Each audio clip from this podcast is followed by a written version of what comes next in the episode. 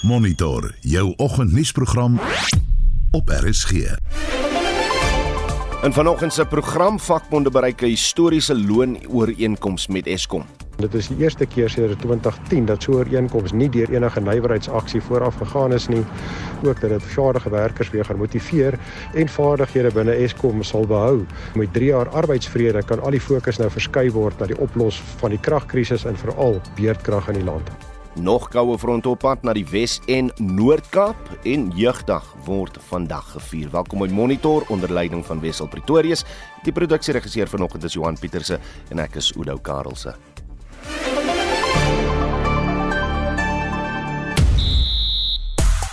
'n moontlike eerste toer na Pakistan vir ons vroue Protea kriketspan. Die 73ste assereeks tussen Engeland en Australië begin vandag. Wade van die Kerk wen in Noorwe en ons gesels oor die naweek se Curriebeeker halfeindstryde. Ek is Shaun Schuster vir RSG Sport. John Steenhuisen was gister en is vanoggend nog 'n gewilde hits hier in Suid-Afrika dat volg na die burgemeester van die stad Johannesburg, Kabelo Kwamanda erken het dat hy slegs tot graad 10 skoolonderrig ontvang het. Hy is daaroor geroskam met mense wat vra hoe iemand sonder matriek 'n begroting van oor die 80 miljard rand kan bestuur. Toe kap sy ondersteuners terug en vra, "Maar hoekom word die vraag gevra as die leier van die amptelike oppositie, John Steenhuisen, die DA leier slegs matriek het, maar hy wil hê alle Suid-Afrikaners moet vir hom stem sodat hy die hele land se begroting kan bestuur." Nou wil ek weet, wat is jou mening oor die vlak van onderrig wat ons politici aan moet voldoen om jou gemoedsrus te gee oor hulle vermoë om ons stede, provinsies en die land te bestuur. In die luisteraars vraag vandag Kaapstad of Kaapse motoriste word versoek om die lang naweek van die paaie weg te bly weens oorstromings in talle gebiede. Ons wil by Kaapenaar spesifiek weet, hoeveel het dit al by jou gereën? Is daar enige ontwrigtings en skade in jou geweste? En vandag is ook jeugdag en ons vra Wat is jou raad aan ons jongspan, aan die jeug om Suid-Afrika 'n beter land te maak? En is daar jong mense wat jou hoop gee vir ons toekoms? Stuur 'n SMS na 4588919 R50 per SMS of jy kan saampraat op ons Facebookblad by facebook.com vorentoe skynstreep ZARSG.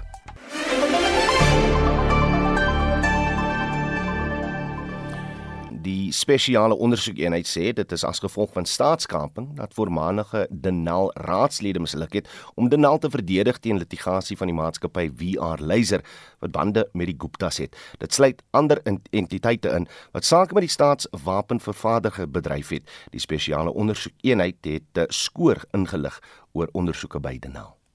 Die spesiale ondersoekeenheid sê Danel ondersoeke behels vier sake met betrekking tot staatskaping. Sommige van die ondersoeke is afgehandel en na die nasionale vervolgingsgesag verwys. In ander sake is dissiplinêre stappe voorgestel. Die aanbeveling vir die maatskappy VR Laser is siviele litigasie om die betrokke geld terug te kry. Die woordvoerder van die eenheid, Zodwa Tsibe, sê dat wat staatskaping betref, het sommige van die lede van die verantwoordbare owerheid en ook ex-officio lede in hulle pligte misluk om die finansiële sake behoorlik te bestuur en om Danel teen litigasie van VR Laser en ander entiteite met wie sake gedoen is te beskerm. Die voorsitter van die raad, Gloria Serobe, sê hoewel daar groot verliese was in die transaksies met die Verenigde Arabiese Emirate, is daar nog kontraktuele verpligtinge waaraan voldoen moet word in die land. What is severe here, Chairman, is the level of the systemic thing, which is why I was saying on the one hand, we have to deal with the UAE because it's a market we need to deal with. At the same time, that is where we lost most things mm-hmm. IP and people. Mm. There is over 300 Denel employees who are in UAE at this point, and pretty much from the same area of missiles. Van die komiteelede glo die regering moet aanhou met die uitleweringsproses van die Gupta broers. Die voorsitter van Skoor, Mkoluleko Hlengwa verduidelik. I think it's the clarity that's needed in light of yesterday's debate as well in the House and so far as the failed extradition. So it sort of ensures that uh, we strengthen the case as to why that extradition is important. Right, Honorable uh, Hadebe. And if you look at the amounts involved here. Yeah. Danel sê sy balansstaat verbeter en totale bates is meer as die laste. Lulama Tlepo het hierdie verslag saamgestel in die parlement.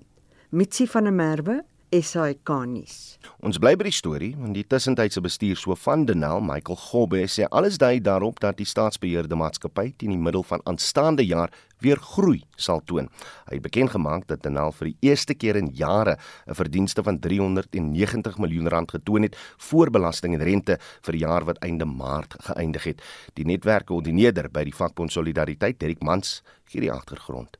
Nee, hierdie is nie bedryfsdiens nie. Hierdie is natuurlik oorskot geld van die Denel Mediese Fonds Trust wat laas jaar uitbetaal het. Dit was so net so oor die 900 miljoen rand en daai geld was hoofsaaklik gebruik om uitstaande salarisse sowel as derde party gelde van solidariteit lede te delg dis nou natuurlik geld wat oorgebly het van daai mediese fonds trust gelde.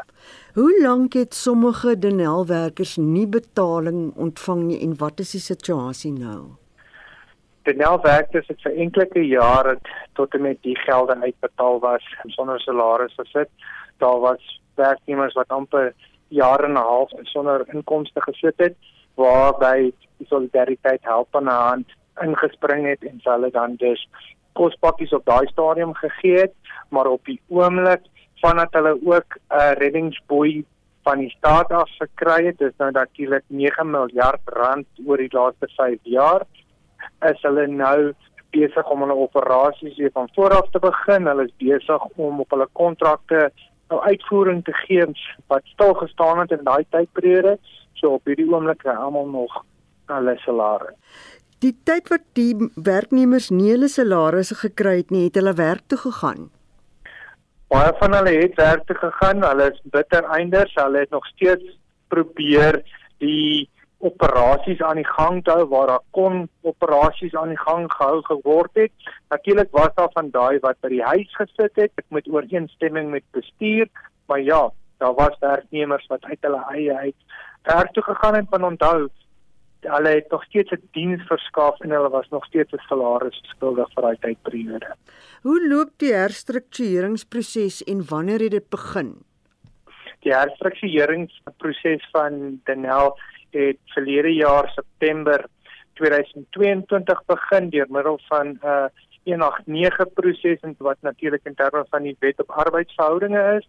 Die konsultasies duur nog voort. Nou ons wag nou vir 'n laaste mandaat van die raad af om te hoor of ons voort gaan gaan met die proses, maar dit is volgens ons nog so 2 of 3 weke dan is die herstrukturering proses voltooi. Derek Mans is die netwerkkoördineerder by die vakbond Solidariteit en het daar met Mitsi van der Merwe gepraat. Die vakbond Solidariteit het gister na 4 rondes van strawwe onderhandelinge 'n 3-jaar loonooreenkoms met Eskom bereik. Die ooreenkoms is in samewerking met die vakbonde Noem en Noemsa gesluit. Daar is onder andere ooreengekom op 'n inflasieverwante verhoging van 7 7% eh, en ons praat nou met die hoofsekretaris van Solidariteit Gideon Du Plessis. Gideon, goeiemôre. Goeiemôre Oudo. Julle moet verheug wees want dis die eerste keer sedert wat 2010 dat 'n ooreenkoms sonder enige enige soort ontwrigting bereik kon word. Absoluut uh Oudo. Ehm um, so dit is dit is regtig nogal histories, maar ehm um, ons het dit ook gedoen met die wete verlede jaar uh, die tyd het ons van fase 3 na fase 6 toe gespring met die onderhandelinge as gevolg van die ontwrigting van die kragstasie so hoewel daar oor die afgelope 13 jaar gereeld ontwrigting was, was verlede jaar werklik die ergste en uh, met dit tot 'n agtergrond het ons geweet hierdie jaar kan dit nie weer gebeur nie. Reg, as wat 27300 werkers by Eskom, wat behels hierdie ooreenkoms? Wel behalwe dat dit nou uh vir 'n 3 jaar ooreenkoms is wat wat self uh baie uniek is, is dan vir die volgende 3 jaar soos jy genoem het, kry die werkers op 1 Julie van elke jaar wat nou volgende uh maand begin, 'n uh, 7% verhoging op hulle basiese salaris. En dan sal hulle um behuisingstoelaag ook met uh, 7% verhoog. En dan hierdie jaar en dan volgende jaar uh 'n 10 'n 10000 rand eenmalige belasbare bedrag wat die werkers dan ook sal ontvang. Nou daai bedrag kom nou maar daar uh is die agtergrond is maar dan om die werkers en natuurlik die vakbonde te ooreed om 'n langtermyn ooreenkoms te sluit, maar dan is daar wat die wat op die einde maar ehm um, die die, die aanleiding gegee tot tot hierdie ooreenkoms is dat vele ander gedeeltes van die diensvoorwaardes wat ehm um, deel was van die normale onderhandelinge is toe na geskuif wat ons van die aspekte eers oor 3 jaar gaan hanteer en van hulle gaan taakspan hanteer en dit het natuurlik die fokus geskuif na die kern kwessies toe en dis hoekom ons hierdie skikking wel een van die redes hoekom ons die skikking kon bereik. Hoopelik sal die ooreenkoms die uitvloei van vaardige werknemers beperk en en miskien ook vaardige werknemers na Eskom uh, teruglok. Absoluut. Ehm um, jy sien die wan persepsie dat die Eskom werkers hierdie verskriklike groot salarisse verdien en hulle is oor daar's baie oortollige werkers wat nie die geval is nie. Ek sien in die media of word Eskom salaris rekening gevat en dit word gedeel deur die ander werknemers en sê hulle verdien uh, gemiddeld van so 73000 rand 'n maand wat nie die geval is nie. Ons het die werkers wat ons uh, voorbeding het se salarisse lê tussen 15000 en en en en 56000 rand. Die 56000 rand is die topskaal Dis mense wat nou vannag gesorg het dat ons krag het. Dis mense wat ingenieurs agtergrond en grade het. Dit is mense wat ook in die beheerkamer sit en en dit is mense wat baie meer geld onder baie makliker omstandighede uh, kan gaan verdien buite en dit daai vaardighede moet behou word en dit was een van die redes hoekom Eskom geweet het hulle moet 'n skikking hê wat in die verlede was dat daai vaardige werkers wanneer daar nywerheidsaksies is dan gaan nou hulle die kragstasies in stand. Nou is daar so 'n tekort aan vaardighede weens die uitvloei van vaardighede. Dit is daai werkers wat op die einde die 7% verhoging kry wat hopelik hmm. ehm um, dan beteken dat hulle nie verder gaan werk soek buite nie. En dit is ook natuurlik ook 'n motivering om om aan te hou uh, werk onder hierdie moeilike omstandighede. Gideon, jy's heel wat nader aan die situasie. Ek wonder wat is jou mening oor hoekom Eskom tans bietjie beter vaar om beerdkrag te stuit? Wel, ons het met die raadsvoorsitter 'n vergadering gehad hierdie week en dit was maar basies dit is so 4200 megawatt wat hulle oor die laaste ruk um, weer aanlyn kon kry. En sy gevoel was natuurlik hulle kry 'n steek in 'n Andre de Ruyter en 'n steek in 'n Jan Oberholz en sê die daar's 'n baie meer positiewe gesindheid onder die kragstasie bestuurders en die senior mense daar. Hulle is baie meer positief en hulle werk nie onder vrees nie, maar wat nou nie die geval is nie. Ehm um, dit is uiteraard is daar uh, herstelwerk wat verbeter het, maar daar was ook grootskaalse korrupsie wat plaasgevind het. Elke maandagooggend was daar veral drie kragstasies waar daar ehm um, ekskuus ek sê korrupsie sabotasie arbitrasie mm. plaasgevind het en wat eintlik ook maar korrupsie was natuurlik en daar is die een persoon wat op 'n baie senior vlak is die hoof van sekuriteit is sy is vasgetrek wel sy sy's op sy is vasgetrek maar daar's nou aksies wat gaan volg en ewe skielik het baie van daai ehm um, uh, sabotasie het nie meer oor die naweek plaasgevind nie. So dit is nog een aspek, maar dan het ek ook maar 'n gevoel daar is 'n politieke ag agenda agter dit daar ehm um, weet soos ons weet daar was instruksie van die regerende party dat daar 3 jaar ooreenkoms moet wees en dat daar uh vrede in die land moet wees rondom uh arbeidsverhoudinge en Eskom dink ek ook maar daar's tog bietjie politieke druk om om hulle die, die regerende party beter te laat lyk. Like. So dis 'n mengsel van alles. So mense hou maar jou asem op dat dit uh, nie kunsmatig is nie en op die einde 'n katastrofiese gevolge kan hê wat ons daarom nie glo die gevalle is nie want mense in die beheerkamer hou alles mooi dop, maar uh, dis is so 'n mengsel van alles wat maar dit is in elk geval positief. En dit was die vakbond solidariteit se hoofsekretaris Gideon Du Plessis. Verskeie organisasies gaan die nasionale gesondheidsversekeringswetsontwerp uitdag. Dit is van dese week met 205 stemme in die algemene vergadering aanvaar. Die wetsontwerp maak voorsiening vir 'n enkele gesondheidsorgbefondsing vir private en openbare verskaffers. Die wetsontwerp sal nou deur die Nasionale Raad van Provinsies goedgekeur moet word voordat dit deur president Ramaphosa onderteken word. En volgens die Departement van Gesondheid is die doel van die wetsontwerp om billike toegang tot gehalte gesondheidsdienste te bied aan almal. Die departement van gesondheid het die aanvaarding van die NGV wetsontwerp deur die nasionale vergadering verwelkom. Ander belanghebbendes het egter kommer uitgespreek oor die onduidelike finansiering en die bedryfsmodel daarvan. Die vakbond Solidariteit het sy voorneme uitgespreek om die aanvaarding van die nasionale gesondheidsversekeringswetsontwerp deur die nasionale vergadering in die hof te betwis. Connie Mulder is die hoof van navorsing by Solidariteit. Meeste van die argumente rondom die NGV is in ieder geval akademies. Die getalle maak bloot nie sin nie. Dit is so totaal onbekostigbaar vir Suid-Afrika. En dit maak dit nog meer skreiend dat die ANC dit deur die parlement gejaag het sonder 'n kosteberaming en sonder dat ons weet wat presies gedek gaan word hierdeur. Dis bloot net uh, politieke punte wat gewen wil word hier. Die NGV is doeteenvoudig onmoontlik vir die land om te bekostig. En dis nog een van die redes waarom ons moet hof toe gaan, is om seker te maak dat die die mense wat miljarde rande in die publieke gesondheidssektor wanbestuur het, nie ook hulle kloue kry op geld in die privaat sektor wat gesondheid betref nie. Die antwoord is eenvoudig: maak eers die publieke sektor reg en dan kan mense begin argumente oor watter gebreke lê daar nog met daai stelsel. In 2019 het die departement van gesondheid beraam dat die jaarlikse koste van die NGV waarskynlik die gesamentlike totaal van openbare en private gesondheidsbesteding sal oorskry. Dit het in daardie jaar 470 miljard rand beloop. Die adjunkdirekteur-generaal van die NGV by die gesondheidsdepartement, Dr Nicholas Crisp, sê die primêre bron van befondsing vir die NGV wetsontwerp sal die bestaande belastingstelsel wees. So the Treasury, with through a money bill, will either increase those taxes by, you know, whether it's uh, combinations of that or personal tax or whatever, to be able to collect the money that's no longer being collected through voluntary payments to medical schemes. And the alternative that is created in the bill, which will become an option to Treasury, is to have a payroll tax. Now, not everybody likes the idea of a payroll tax, so that will be Treasury's decision when the time comes. In reaksie op die moontlike uittog van mediese dokters wat uit die implementering van die wetsontwerp kan gebeur, sê die adjunkminister van gesondheid, Sibongiseni Dlomo, universele gesondheidsdienste is 'n doelwit van die Wêreldgesondheidsorganisasie wat gemik is op globale toepassing.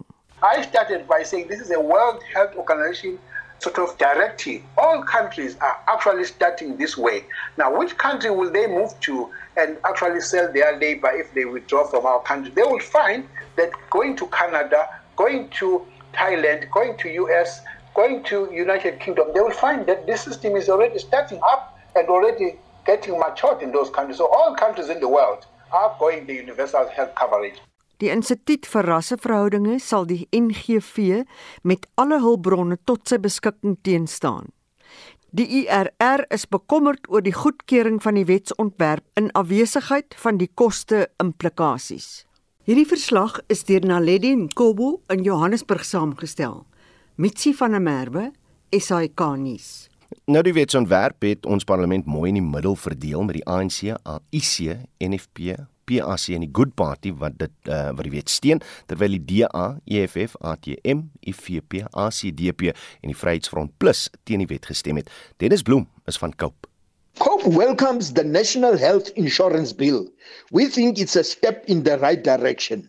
We will welcome any effort to bring a solution to the healthcare crisis that the country is facing. Healthcare is a constitutional right of all citizens, rich and poor. Our healthcare was messed up over the past 29 years. Many hospitals and clinics are dysfunctional, but we are very much concerned about corruption in the health department. COPE will not allow anyone to derail the National Health Insurance Bill. We will expose any corrupt activities in the health department. Wêreldnuus. Reg president Cyril Ramaphosa in die Oekraïense hoofstad Kiev nadat hy 'n bietjie trein gery het waar hy vandag Justin na verwagting met president Volodymyr Zelensky sal vergader. Ja, en uh, Ramaphosa en nog 6 Afrika leiers het gistermiddag per trein na die oorloggetuieerde Kiev gereis nadat hulle in die Poolse hoofstad Warskou aangekom het. Hy en die presidente van 'n aantal ander lande, insluitend die Komodo-eilande se leier Azali Assoumani, wat ook voorsitter van die Afrika Unie is, is op 'n vredesending na die gebied uh, om die oorlog van 16 maande in Oekraïne te beëindig. Ramaphosa se woordvoerder is Vincent Magwenya. The human and negative economic impact and tension arising from the conflict between Ukraine and Russia is a grave situation that affects the rest of the world. The African Peace Mission brings an African perspective and an appeal for a peace process to deliberations that are underway in various parts of the world and within different formations of nations on how to address the conflict in Ukraine and Russia. Die sekretaris-generaal van die Verenigde Nasies, Antonio Guterres, sê hy is bemoedig deur die pogings van Afrika-leiers om vrede in Oekraïne te bevorder. I had the opportunity to have from President Ramaphosa a description of uh, the efforts that were going to be made. Uh, and of course, I always encourage uh, all efforts related to peace. It's not for me to define what they will achieve. I think it's important to underline that uh, this is an important initiative based on the goodwill of a number of meaningful countries. Nou ons bly by die tema want ek sien Australië het nou aangekondig dat hy wetgewing sal instel om Rusland se huurkontrak te kanselleer om 'n nuwe ambassade in die hoofstad Canberra te bou. Ja, en die stap volg op die afsluiting van 'n langdurige litigasie rakende die gehuurde perseel. Die Australiese premier Anthony Albanese sê die besluit word geneem in die belang van nasionale veiligheid. The government has received very clear security advice as to the risk presented by a new Russian presence so close to Parliament House. We're acting quickly to ensure the lease site does not become a formal diplomatic presence. Ons verskuif die aandag na die Verenigde Koninkryk waar die Britse Voorregte Komitee, die hoogste dissiplinêre gesagsliggaam vir parlementslede, 'n verdoemende verslag teen die voormalige eerste minister Boris Johnson uitgereik het. En volgens die verslag van meer as 100 bladsye moet Johnson uit die parlement geskop word omdat hy LPS verskeie kere opsetlik mislei het toe hy oor verskeie gesellighede tydens die COVID-19 pandemie by Downingstraat uitgevra is.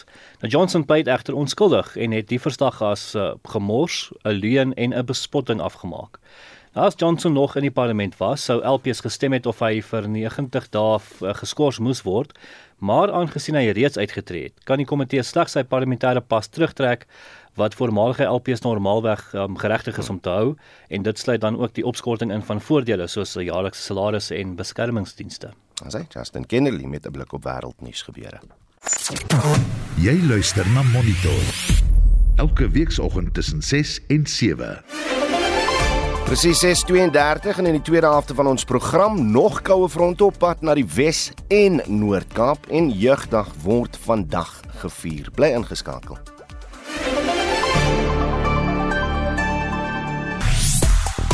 Ek ons praat natuurlik met jou vanoggend uh of spesifiek met ons Kaapse luisteraars oor die giere weer daar. En ons wil weet hoeveel het dit al daar by jou gereën? Is daar enige ontwrigtings en skade in jou geweste? En uh aan die res van die luisteraars dis jeugdag vandag en ons wil weet wat is jou raad aan die jong mense van Suid-Afrika om 'n beter land te maak? En praat so 'n bietjie van die jong mense wat jou hoop gee vir ons toekoms op Facebook sê Clinton Clark uh hier in die rust in Meyringspoort uh oop ry stadig en uh, kyk jy mag 'n paar watervalle sien. En dan praat hy oor die jeug. Die toekoms vir jeug is maklik respekteer ander. Kyk na China. Wat respek vir ander kan doen daar is uh, dit nie 'n ding van dis my reg nie maar dis my voorreg sê Clinton Clark. Uh William Jumat sê die jeug se toekoms in die pragtige land in meer standvaste lig mekaar op en bou mekaar op. Moet nooit ophou hoop gee vir ander nie, want 'n mens is 'n mens deur 'n ander mens. Ja, die prinsip daarvan Ubuntu. En Nabula Banat sê my raad is moenie vir die ANC stem nie. Uh wat dit weer betref, uh, Stefan Enrico sê dit het so baie gereën in die Kaap, die pad tussen Kaapstad en Robben Eiland is toe onder water. Wat sien jy daar waar jy bly is in die Kaap is? Laat weet stuur 'n SMS na 4588919 R50 per SMS of jy kan saampraat op ons Facebookblad by facebook.com vorentoe skynstreep ZARSG. Die laaste paar dae se swaar reën in die Wes-Kaap het gelei tot oorstromings, rots en modderstortings en beskadigde infrastruktuur in groot dele van die provinsie. Nou Paai en Stellenbosch, die Parel en omliggende gebiede is gisteroggend gesluit weens oorstromings en skoonmaakspanne is ontplooi om opruimingswerk te doen. Intussen het die burgemeester van die Kaapse Wynland distriksmunisipaliteit, Elna von Schlicht, die volgende waarskuwing uitgereik in aanloop tot die lang naweek. Die stormagtige weer word verwag om die naweek voort te duur tot in volgende week. Ek vra asseblief alle inwoners van hierdie distrik om die lang naweek liewer tuis te bly en slegs te reis indien dit absoluut noodsaaklik is. Dit is van uiterste belang dat ons ons paaie oop hou vir die noodpersoneel en vir ander noodsaaklike dienste sodat hulle makliker by rampgebiede kan uitkom. Indien daar geen ander opsie is en u moet reis, volg asseblief die verkeers- en padinstruksies. Kom ons wees veilig inwoners en bly tuis hierdie lang naweek. En daardie versoek van die uitvoerende burgemeester van die Kaapse Wynland met distriksmunisipaliteit Anne van Schlichte vir die jongste oor die situasie daar praat ons nou met Joan Otto, 'n woordvoerder van die Kaapse Wynland distriksmunisipaliteit. Joan, goeiemôre. Goeiemôre, Oudo, goeiemôre luisteraars. Hoe lyk dit vanoggend daar in die Wynland distrik? Wel, eerstens dis um oop oop oop what open skies. So ons Lieflik. gaan vandag 'n lekker 'n lieflike dag hê, so 17 grade hier op Woester en ek dink reg oor ons distrik. Um so dit beteken opruimingstake gaan voortgaan en ons kan weet makliker werk omdat daar nie reën en wind is nie. Um die grootste nuus van die dag is natuurlik dat die ehm um, die Huguenot tunnel oop is vir oggend vir ligte verkeer. So ons maan weet weer vir mense dit is slegs voertuie, ligte voertuie. Ehm um, en ons trokke en swaar voertuie gaan ongelukkig nog steeds 'n alternatiewe roete moet soek. En ehm um, en dan is daar natuurlik nou die verskeie plekke waar daar baie groot skade is die Wemmershoek um area en dan natuurlik areas waar daar riviere deur die dorpe loop soos byvoorbeeld Robertson en soos byvoorbeeld Ceres wat baie skade opgedoen het um Stellenbosch en so meer en daai opruimingstake gaan natuurlik um baie baie lank 'n bietjie weet 'n bietjie langer vat. En um en daar is van die 1200 mense wat deur die reën um um ek skielik kan ek aan evacuate dink nie. Um, ontruim geword het, ja. Hulle ontruim, ekskuus, ek doen ontruim uit hulle huise uit. Dis gister en eergister in Rossenwil is daar nou slegs net 300 oor wat um in die gemeenskapsaal is. En dan um die res van die mense kon na familie en vriende toe gaan, dieselfde by um Hollandse Molen in die um in die Franshoek Parel area baie mense daar moes ontruim word en daar's baie verwoesting daar maar daai baie van daai mense kon ook na familie en vriende toe verhuis. Wat is die situasie tans met met kragonderbrekings weens beskadigde infrastruktuur want dit moes seker gister uh, in in talle gebiede gebeur het te voel.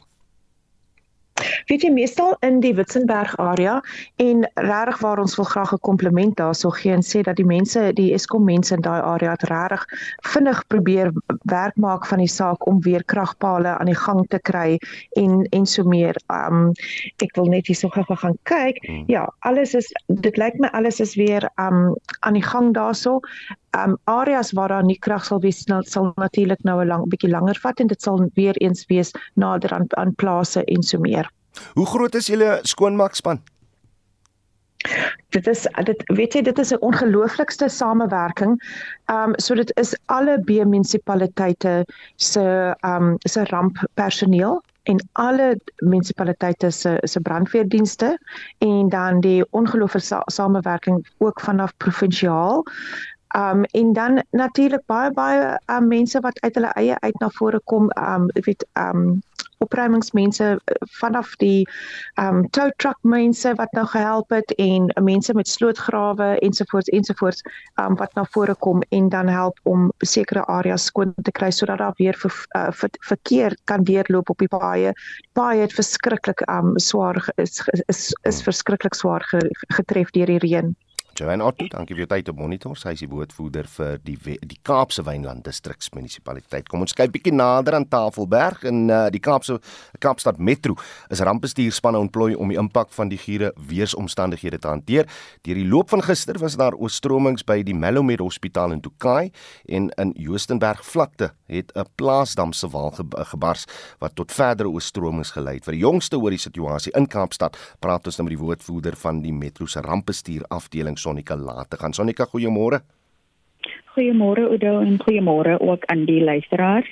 Ja, en het nou gepraat van soos hy sê clear skies daar in uh die uh distrik die, die Wynland distriksmunisipaliteit. Hoe lyk dinge vanoggend in Kaapstad self? Ja, dit lyk daarom 'n bietjie beter ook hier by ons kant die reën het daarom bedaar van gistermiddag af. So baie van die paaie wat oorspoel was as gevolg van die oorvervaardigde dreineringsstelsels, dit het teen gisteraand baie beter vertoon en vloedwaters kon 'n bietjie wegsak van gistermiddag af. Praat 'n bietjie van ons informele nedersettings. So wat is die situa situasie daar? Kyk baie van van ons informele nedersettings het skade gely groot gedeeltes um, wat oorspoel was. En dit is maar as gevolg van die die ligging um, hulle is in water um, areas waterhoudende areas wat wat hulle geleë is en dan ook in vloedlyne wat hulle geleë is. So daar's baie oorstromings wat um, wat gerapporteer was aan ons rampbestuursentrum maar gelukkig geen ontruimings van daar vanuit daardie areas nie. Ons ons humanitêre ehm um, um, organisasies is wel besig om om hulp te verleen aan die geaffekteerde gemeenskappe in ons um, informele nedersettings. Sonika, ek sien gistermiddag is 3 mense uit die uh, Parel stormwaterkanaal gered. Wat, wat presies het daar gebeur en, en was daar ander reddingspogings in die metro uitgevoer?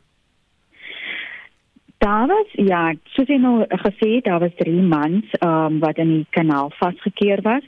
Um, ons metro reddingsdienste en ons brandweerpersoneel was betrokke by hierdie um, spesifieke reddingspoging, maar ongelukkig het ek nie die details rondom die omstandighede wat aanleiding gegee het tot hierdie situasie nie, maar jy kan wel um, kontak maak met metro redding en ons brandweerdienste vir meer inligting, maar daar was wel ook ander reddingspoging 'n ander reddingspoging um in Fergrove Makassa waar 'n groep mense vasgekeer was en ons brandweerdienste het ook daar gehelp om die mense um te ontruim of of hulle uit die um areas te kry en ek weet van een um persoon wat na die hospitaal geneem moes word.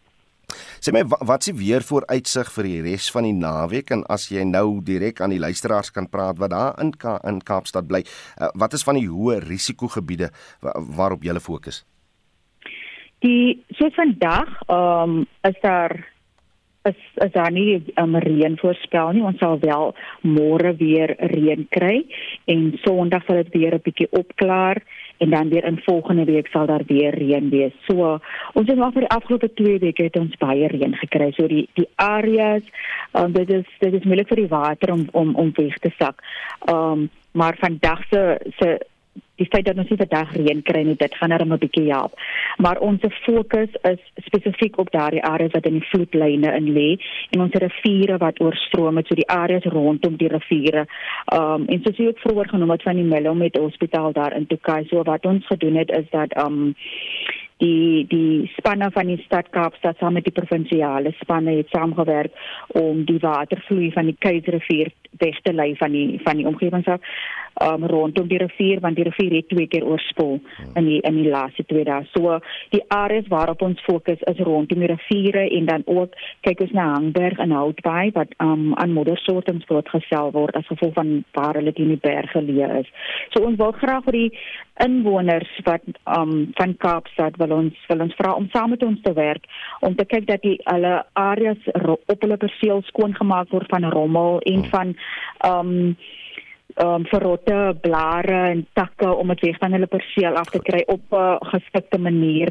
Um en dan ook net om nie um vaste afval en goed in die in die stormwater um sisteme in te gooi nie want dit is waar ons se grootste probleem inkom. Sonika later gaan dan gee jy tyd hier op monitor. Sy is die woordvoerder vir die Kaapstad Metro se rampbestuur afdeling. Nou talle paaie in die Wes-Kaap is vroeër die week vir verkeer gesluit weens die impak van swaar reën en oorstromings. Vir meer oor die stand van sake praat ons nou met Jan Rey Bakker, die woordvoerder vir die Wes-Kaapse Departement van Infrastruktuur en Mobiliteit. Uh Jan Rey, goeiemôre. Môre Oudo. So die Huguenot tunnel hy's nou weer oop vir ligte verkeer. Ek is seker julle gaan beamptes daar hê wat wat gaan seker maak dat die trokke nou nie daardeur uh, uh, gaan gaan gaan beweeg nie, nee. Absoluut, of die pad die ehm um, oh, hulle word al reeds by die R43 herlei daai uit aansluiting net buite Woester, dan word hulle weer die R43 herlei Kaapse kant toe. Ons het egter al begin sien dat daar swaar motorvoertuie in die rigting van Woester deur die tonnel gelaat word, maar dit is beperk. Jy weet mense wil seker maak dat jy ehm um, nie noodwendig die hele ehm um, netwerk nou tot 'n stilstand bring nie. Waar's die die ergste skade aan julle paaie verrig? Jong, ek gaan nou begin by die gedeeltes wat vir ons altyd 'n bietjie laat sweet, maar wat nou weer oop is vir verkeer. Meiringspoort tussen Klaarstroom en Derust, hy's weer oop, so die ouens kan van Beaufort Wes af deurkom. Clarence Rylaan waar ons um klein rotsstortings nog steeds sien, maar wat ons oplos, ehm um, dit is uh, tans oop vir verkeer. Die Mitchells pas wat 'n belangrike aar vir ons die afgelope paar dae was, um, is oop. Uh, ons het 'n ernstige modderstorting daar gehad en in die Huisrivier pas tussen Calisdorp en Lady Smith is ook weer oop. Mm. Soos jy genoem het, Huguenot Tunnel is nie meer vir ons se kop seer nie. Ons gaan kyk na op egter paaie wat tans heeltemal gesluit is. Die Groot Rivier pas op die R102 in Nature's Valley. Die Franshoek pas is toe Beinskloof pas is toe, Swartberg pas is toe. Die Vissershokpad by wat Durban wil met die N7 verbind, hy's toe. Die Slanghokpad het net een baan verkeer in Goudienieweg het ook 'n sluiting.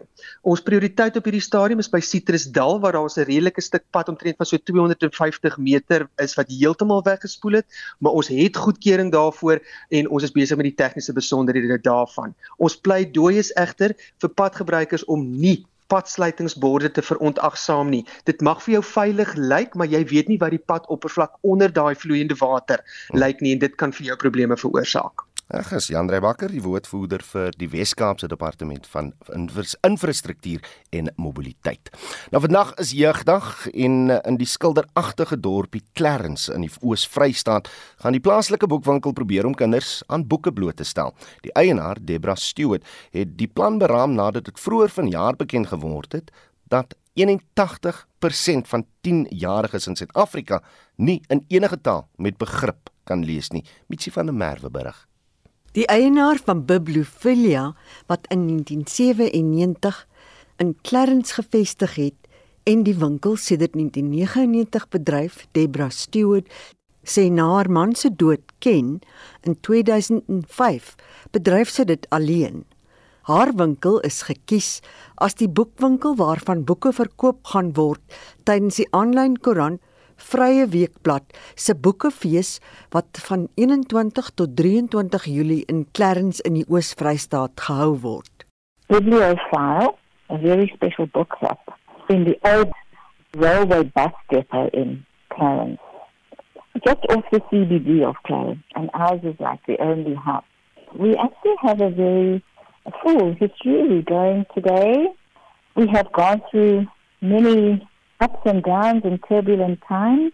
Dit was die onlangse laaste plek van Suid-Afrika op 'n lys van 57 lande in die Progress in International Reading Literacy Study wat die leesvermoë internasionaal meet wat Debra Stewart laat planne maak het. Daar is bevind dat 81% van 10-jarige kinders in Suid-Afrika nie in enige taal met begrip kan lees nie. Owning a book I just thought something somehow must be done about this. And then there were a couple of street children who were hanging around my shop and had been, and I put the stuff out for pavement sale. And these kids kept going over to the and looking at the books, and I said to them, "Are you interested in these books? Show me which books you like." And they gravitated towards them, and they were reading them, and they were getting obvious joy out of it. Na gesprekke met van die kinders wat in haar boektafel geïnteresseerd was, het hulle laat blyk dat hulle graag wil lees. I realized that the problem is not that children don't know how to read. The problem is that they do not have a culture of a love of reading in the home. So what I've tried to get going with the local school around Clarence is to make some kind of plan where we try and get each child in Clarence to have a little shelf of books that belongs exclusively to them. Dis 'n plan wat kan werk en kan baat by die boekefees op Clarence. Die boekredakteur van die Vrye Weekblad, Deborah Steinmar, sê hoewel die publikasie onlangs 'n baie lekker fees in Kallingen gehou het, is die winsmarge nie groot nie. In Clarence begin die fees ook Vrydagmiddag 21 Julie met die redaksionele gesprek gee ons hoop Johanna. Die meningvormers Max de Pre, Annelise Burgess en professor Piet Kroukamp is van die mense wat sal deelneem. Nou hoekom ek hierdie spesifieke titel gegee het uit die liedjie Give Us Hope Johanna is omdat ons gevind het ons lesers is vuisvoos. Daar is soveel slegte nuus dat dit is so gemoedsbeklemmend. Hulle wil 'n bietjie hoop hê. So ek hoop in hierdie gesprek, soos wat dit gewoonlik die geval is, dat daar tog baie positiewe goed uitgelig word, soos mense, klein gemeenskappe wat self saam staan en dinge reg sien en oplossings soek en natuurlik iemand se gift of the givers dat daar tog op die positiewe gekonsentreer sal word. Dit was Deborah Steinmar, die boeke-redakteur van die aanlyn koerant Die Vrye Weekblad, Mitsi van der Merwe, SAK nuus.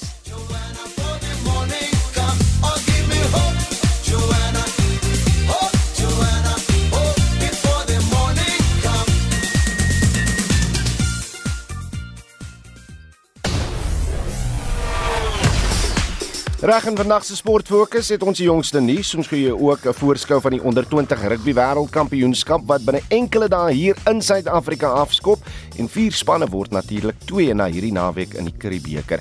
Alles wat jy moet weet hieroor binne enkele oomblikke, maar kom ons kyk nou eers na die jongste nuus in die sportwêreld. Môre Shaun Jooste. Goeiemôre Oude. Ek sien 'n bron in Pakistan se kriketraad sê die vroue Protea span sal eerste toer na die land in September aflê. Ja, volgens die bron sal die Proteas tussen 1 en 14 September in 3 eendag en 3 T20 wedstryde teen Pakistan in Karachi speel, maar ons wag nou vir, vir, vir bevestiging van uh, Pakistan asook cricket die Suid-Afrikaanse kriketraad af. Reg, kan jy glo die 73ste reeks om die as begin vanmiddag in Engeland? Ja, en wat 'n reeks was dit nie so deur die jare heen gewees nie. Die eerste van 5 toetse tussen Engeland en Australië begin 12uur op Edgbaston daar in Birmingham. Australië is natuurlik die nuwe toetskampioene en het die laaste reeks op tuisbodem 4-0 gewen en Engeland met hulle nuwe toetsbenadering het 4 van hulle laaste 5 toetsreekse gewen en dit sluit 11 oorwinnings in. Australië het 34 en Engeland 32 keer koning gekraai in die asse reeks en 6 reekse was gedeel. Ben Stokes en Pat Cummins is die twee kapteins. Seker bloot toevallig dat vandag jeugdig is van van uh, in die FS uh, Ope, Amerikaanse Golf Ope het ons hierdie jaar die jongste groep Suid-Afrikaners wat daar deelneem. Hoe lyk die tellbord na die eerste ronde? Die Amerikaners Ricky Fowler en Xander Schauffele is die voorlopers na die eerste ronde en staan op 8 onder. Nou vir die vier Suid-Afrikaners was dit 'n bietjie van 'n gemengde ronde gewees. Tristan Lawrence en Eldridge Potgieter is gelyk aan die baansyfer. Dion Germesy staan op 2 oor en Wilco Ninaber op 5 oor. Reg nog 'n oorwinning vir Wade van Niekerk in sy voorbereiding vir die Wêreldkampioenskap in Augustus. Ja, van die kerk het die 400 meter wedloop in 44.38 sekondes in Noorwe gewen. En nou sy beste tyd vir die seisoen is 44.17 sekondes. En die muurbal wêreldbeker tans aan die gang in Indië sien 'n oorwinning in die derde en laaste groepswedstryd gee Suid-Afrika dan 'n effens makliker uitspelwedstryd by die kompetisie. Ja, Suid-Afrika het Hong Kong met 3-1 geklop en uh, dit gee hulle natuurlik daai makliker uitspelwedstryd in die 5de tot 8ste plek halfeindstryde wat dan teen Colombia sal wees. JP Brits, Dewald van Niekerk en Hailey Ward het daardie oorwinnings vir ons behaal. Reg, nou die eerste onder 20 rugby wêreldkampioenskap sedert die COVID-19 pandemie skop op die 24ste eh, Junie af daar in die Kaap Parel Gimnasium sal die eerste wedstryd van die toernooi huisves, uh wanneer Argentinië en Italië mekaar volgende Saterdagoggend pak, gevolg deur 'n kragmeting tussen Ierland en Engeland op dieselfde veld. Nou Suid-Afrika se eerste wedstryd vind ook Saterdag plaas. Uh, die Bababokke ding mee in groep C saam met Argentinië, Italië en al eerste opponente van die toernooi Georgië. Ons het by Vleel Qen Norke gaan hoor hoe die span se voorbereiding vir die uh, toernooi verloop. Ek dink ons week het baie goed begin maandag. Um, ons het 'n goeie sessie ingewerk, 'n lekker kort sessie. En Dinsdag se sessie teen Valsbaai, lekker nat en koud. Um, ek dink dit berei ons voor vir die toernooi wat voor lê, veral omdat dit nou winterse tyd hier by ons is. En dan het ons ook maties gespeel wat ook lekker nat was, lekker physical. Ja, so ek dink manne se lywe is gereed, ons is fiks en ehm um, die energie vloei net deur elke liewe wat hier in die span is. Um, ons het nou 'n lekker tydjie af om lywe rus te gee. Um, dan kom ons maandag weer bymekaar. Um, en dan Dinsdag is ons amptelik op pad Nieuweland toe waar ons in 'n hotel gaan bly. Ja, dan is dit maar net kyk na die tyd, wag vir daai game Saterdag ja, net al die ons is baie opgewonde en die coach is ook baie opgewonde. Hy sê vir ons heeltyd ons is gereed. Ja, um, volgende week is net tyd dan om toe te pas wat ons die afgelope 7 weke geleer het. En dis nou uh een van die Bambabok spelers, die vleuel Kewen Norke. En nou Shaun het ek en jy bietjie kans om te fokus op die groot Karibeeke kragmetings wat die naweek voorlê. Die Cheetahs is hy uh, tuis teen uh, die Bulle môre middag 3 ure in die eerste halfeindstryd, terwyl die tweede span in die uh, eindstryd besleg sal word tussen die Haie en die Pumas. Die uh, twee kom uh, 5 uur te mekaar te staan. Uh verlede Saterdag Shaun moes die Cheetahs in 19-0 agterstand oorkom met die Bulle sodat hulle 31 27 kon wen. Dink jy die, die halfeindstryd sal ook moontlik so wipplank kry? Oor ek voel die wedstryd gaan so effens anders verloop. Die spanne weet natuurlik nou dit is 'n uitspelwedstryd en sal meer gefokus wees en ook daardie rooi kaart was uh, uiters belangrik geweest en dit die spanne se benadering tot die wedstryd so bietjie beïnvloed.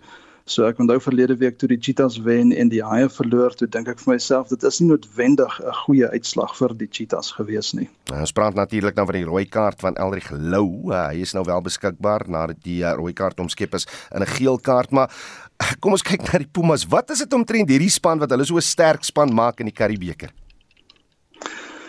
Oor gewoonlik het die Pumas 'n uh, ervare span wat so van die begin af saam speel terwyl ander spanne met onder 20, onder 19 en ook uh, selfs klubspelers uh, moet klaarkom, maar die belangrikste vir my is die afrigter Jimmy Stonehouse. Hy het 'n sterk span gebou voor en na sy draai in Japan. Ek dink hy skep 'n goeie kultuur en leer die span ook goeie waardes en ek wil amper sê hy het 'n tipe van 'n John Dobson effek op die Pumas. Mm, mm. Reg meneer, hoe dink jy gaan sake verloop? Wie gaan ons in die eindstryd sien? Ek het net so gevoel die bulle gaan die bordjies verhang teen die cheetahs daar in Bloemfontein, maar die span aankondigings is belangrik en die haie se 14 verandering het my wiele so bietjie afgeblaas, mm, maar ek mm. dink die haie sal hom nog steeds net net deurtrek. So volgens my is dit haie teen bulle in die eindstryd. Reg meneer, ons praat dan weer maandag. Dis Shaun Jooste daar van RSG Sport. En ons praat natuurlik oor uh, die situasie in die Kaap met die weer daar, hoe dit jou raak en uh, omdat dit jeugdig is, wat is jou raad aan die jeug? Uh Jeffrey Oor sê ek het altyd ons jeug gesien as 'n resultaatgedrewe benadering tot ontwikkeling, maar wetgewing wat daar deesdae is op grond van werk of werkskepping lyk alles donker vir ons jeug van Suid-Afrika vir Suid-Afrikaanse jeug sê hy. En uh, Rex Bester sê my mening met 'n uh, ja, is is dat die jeug se toekoms in die pragtige land nie meer 'n standvaste platform het nie met politieke rasgedrewe wette en regulasies bied die buiteland 'n nuwe toekoms vir ons jeug en dan sluit Rex af om te sê dit is tragies. Stem mee saam voel jy dieselfde soos Rex? Laat weet, stuur 'n SMS na 4588919 R50 per boodskap. Jy kan ook lekker saamgesels uh op ons Facebookblad by facebook.com vorentoe skynstreep ZARSG. Onthou vorige uitsendings van Monitor Spectrum naweek aktueel en kommentaar is op RSG se webblad as 'n potgooi beskikbaar. Gaan net na www.rsg.co.za. Ons groet namens ons uitvoerende regisseur Nicoline de Wee, ons redakteur vanoggend Wessel Pretorius, ons produksieregisseur Johan Pieterse en ek is is Oudo Karelse. Bly veilig hierdie lang naweek. Ons praat maandag weer. Totsiens.